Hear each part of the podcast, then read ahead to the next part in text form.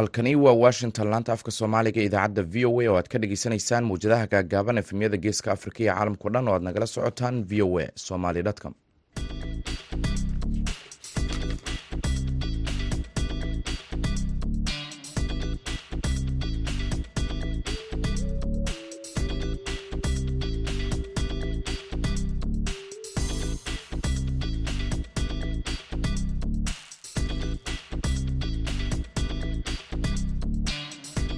wanaagsan dhegeystayaal waa maalin isniin ah. Bisha oktoobarna waa soddon sanadka labada kun iyo saddex iyo labaatanka. Afrikada bari saacaddu waxay tilmaamaysaa kowda iyo barka duhurnimo. Idaacadda duhurnimo ee barnaamijka dhallinyarada waxaa idinla socodsiinaya anigoo ah maxamed bashiir cabdiraxmaan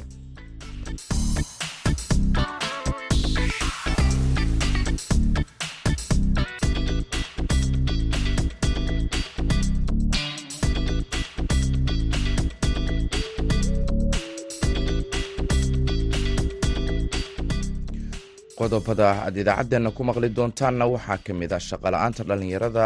ka qalinjibisa jaamacadaha iyo sida looga gudbi karo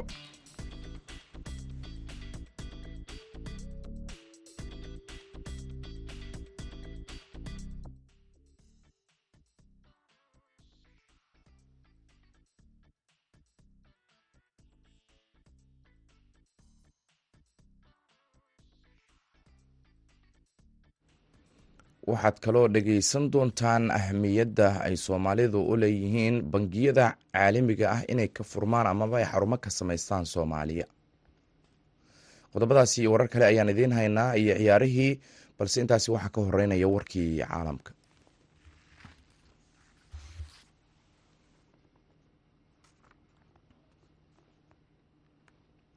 Inaga raalli ahda dhegeystayaal cilad xagga farsamada awgeed.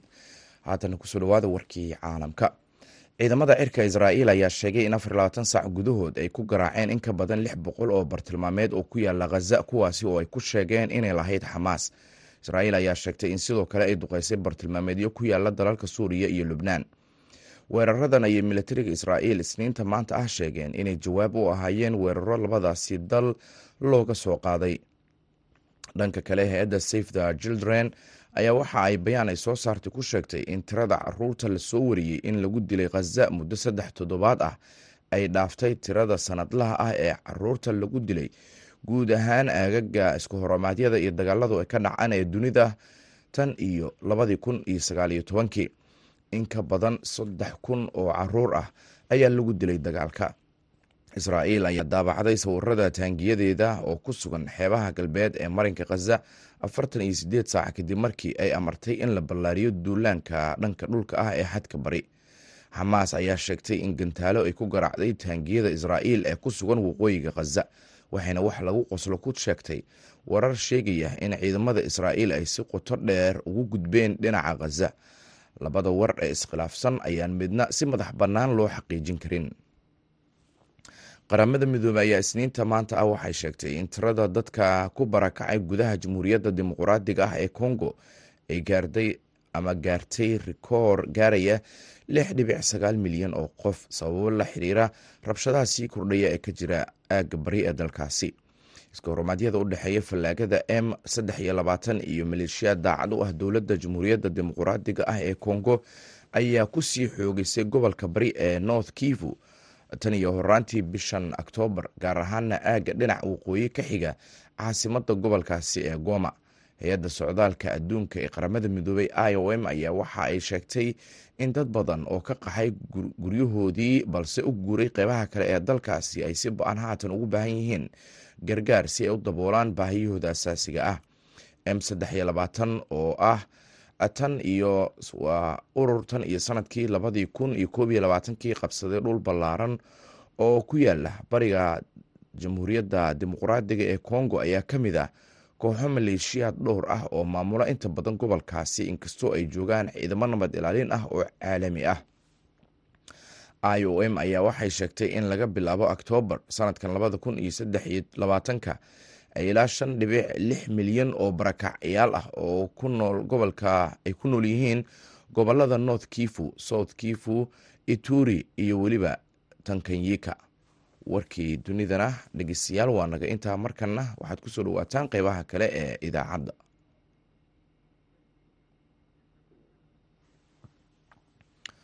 Naga raali aada dhegeystayaal weli ciladaasi dhinaca farsamada ayaana haysata weli laanta afka soomaaliga ee v o a ayaad nagala socotaan. Haatanna muqdisho. Bangiga siraad bangi ee laga leeyahay dalka turkiga ayaa shalay noqday bangigii ugu horeeyey ee caalami ah ee laan ka furta soomaaliya. Bangigan ayaa ka mid ahaa laba bangi oo bishii julaay ee sannadkii hore ay dowladda soomaaliya siisay leysanka ay kaga howlgeli karaan dalka soomaaliya haddaba tallaabadan ayuu haaruun macruuf ka wareystay guddoomiyaha bangiga dhexe ee soomaaliya cabdiraxmaan maxamed cabdulaahi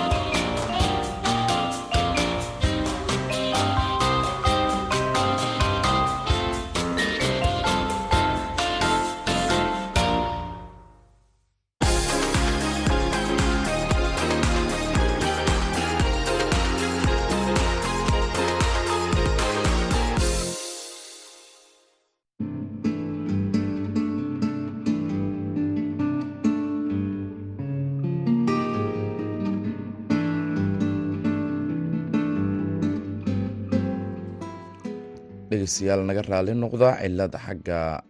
dijitaalka ah ama farsamada ah ayaana haysata oo aynan awoodin inaan idiin soo gudbino warbixinadii iyo ciyaarihii aan maanta idinkugu talagalnay. Haddii ay wax iska bedelaan inta aan hawada ku jirnana waan idiin soo gudbin doonaa wixii aan ka gaarno balse haatan war muqdisho naga soo gaaray. Magaalada muqdisho waxaa maanta si rasmi ah uga furmay shirweyne lagu dhiirigelinayo maalgashiga ama waxsoo saarka soomaaliya shirkadda hormuud ee dhinaca isgaarsiinta ah ayaa waxaa dah furay wasiirka ganacsiga ee dowladda soomaaliya jibriil cabdi oo ka sheekeeyey waxyaabaha u hirgelay soomaaliya iyo badeecadaha ay soomaaliya u dhoofiso dalalka dibadda iyo waxa ay soo dhoofsato. Waxaana uu wasiirku madax ka sheegay in lacag dhan waa badeecooyin dhan lix bilyan oo doolar ay dowladda soomaaliya la soo degtay iyadoo dhoofisay wax u dhigma shan boqol ama waa konton milyan oo doolar oo ay dalalka caalamka u dhoofisay. Wararka kale ee caalamka ee aan idiin haynana waxaa ka mid a iiraan ayaa waxa uu madaxweynaheeda ibraahim ra'iisi axaddii sheegay in duqeymaha socda ee ka dhanka ah khaza ay ku qasbi karaan qof walba inuu tallaabo qaado waana digniintii ugu dambeysay ee ka soo yeertay dalkan jamhuuriyadda islaamiga ah ee iiraan tan iyo markii uu bilowday dagaalka u dhexeeya xamaas iyo israa'iil. Israa'iil ayaa waxa ay duqeymo xoogan ku waday marinka khaza tan iyo markii xamaas ay gudaha u gashay israa'iil toddobadii oktoobar islamarkaasina ay dishay dad ka badan kun iyo afar boqol oo qof oo intooda badan ay ahaayeen dad rayid ah sida ay sheegeen saraakiisha israa'iil tan iyo markaasi dad ka badan siddeed kun oo qof ayaa waxa ay ku dhinteen duqeymaha israa'iil ee khaza kuwaasi oo la sheegay in kala bar ay ahaayeen dad rayid ah ama carruur aan iraahdee sida ay sheegtay wasaaradda caafimaadka ee khaza ee ay maamusho xamaas. Khaza ayaa waxaa ku nool ama ay hoy u tahay dad ka badan laba dhibic afar milyan oo qof. Madaxweynaha iiraan oo hadlaya ayaa waxa uu sheegay ama hadalka sida uu dhigay dembiyada uu geysanayo maamulka sahyuuniga ah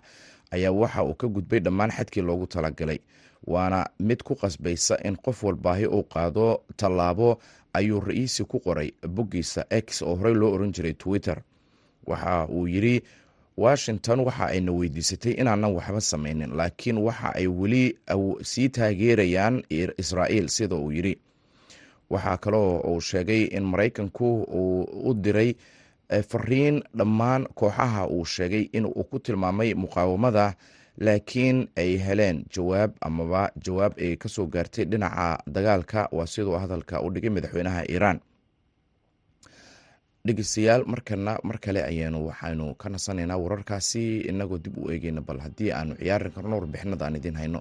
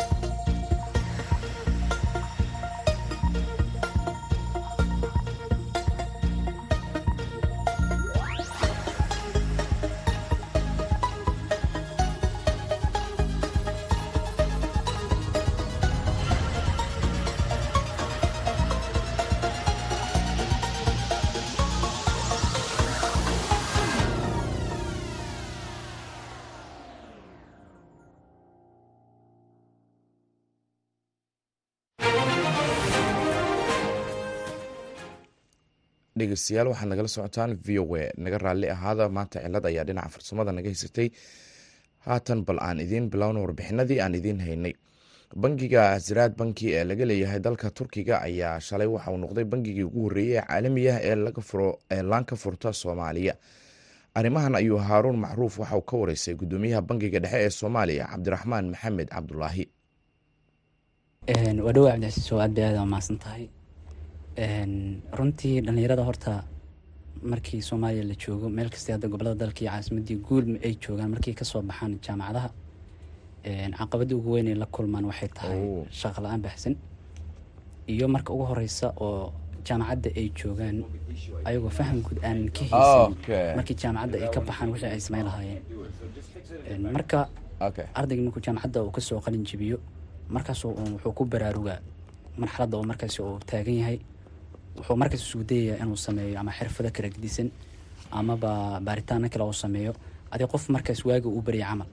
dhalinyaradu inta badan intay jaamacadaha joogaan ama ay jaamacadaha ay dhiganayaan kuma sii baraarugsana waxa ka horreeya iyo waxa ay bulshadii ay kala kulmi karaan. Marka caqabadda ugu weyn markay jaamacadda ay dhameeyaan ay la kulmaan. Markaasayna ku baraarugaan marxaladda ay ku dhex sugan yihiin. Tusaale oo kale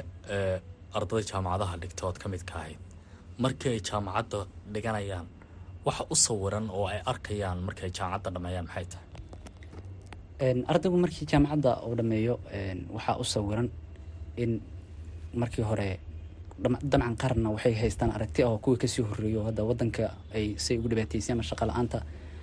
midna wuxuu aaminsanya ama uu arkaya in markii jaamacadda uu dhameeyo oo waqtigii jaamacadda uu joogi jiray oo fursad helayo oo xirfad kala baran doono ama maxaa tira baaritiin shaqo uu geli karo waxyaabo badana markaas maskaxdiisa ku jiro. Isleeyahay haddii jaamacadda aa dhameedo waqtigii jaamacadda ayaa unbaa shaqa ku raadsan doonta ama waqtigaas xirfad kale uga faa'iidaysan doontaa. Marka keliya un waxa usawir rajada u sawiran waxaa waaye waqtigii jaamacadda aa joogtay aa kuu soo waqtigaas ama xirfad kale aa ku baran doontaa ama shaqa ayaad ku raadinaysaa.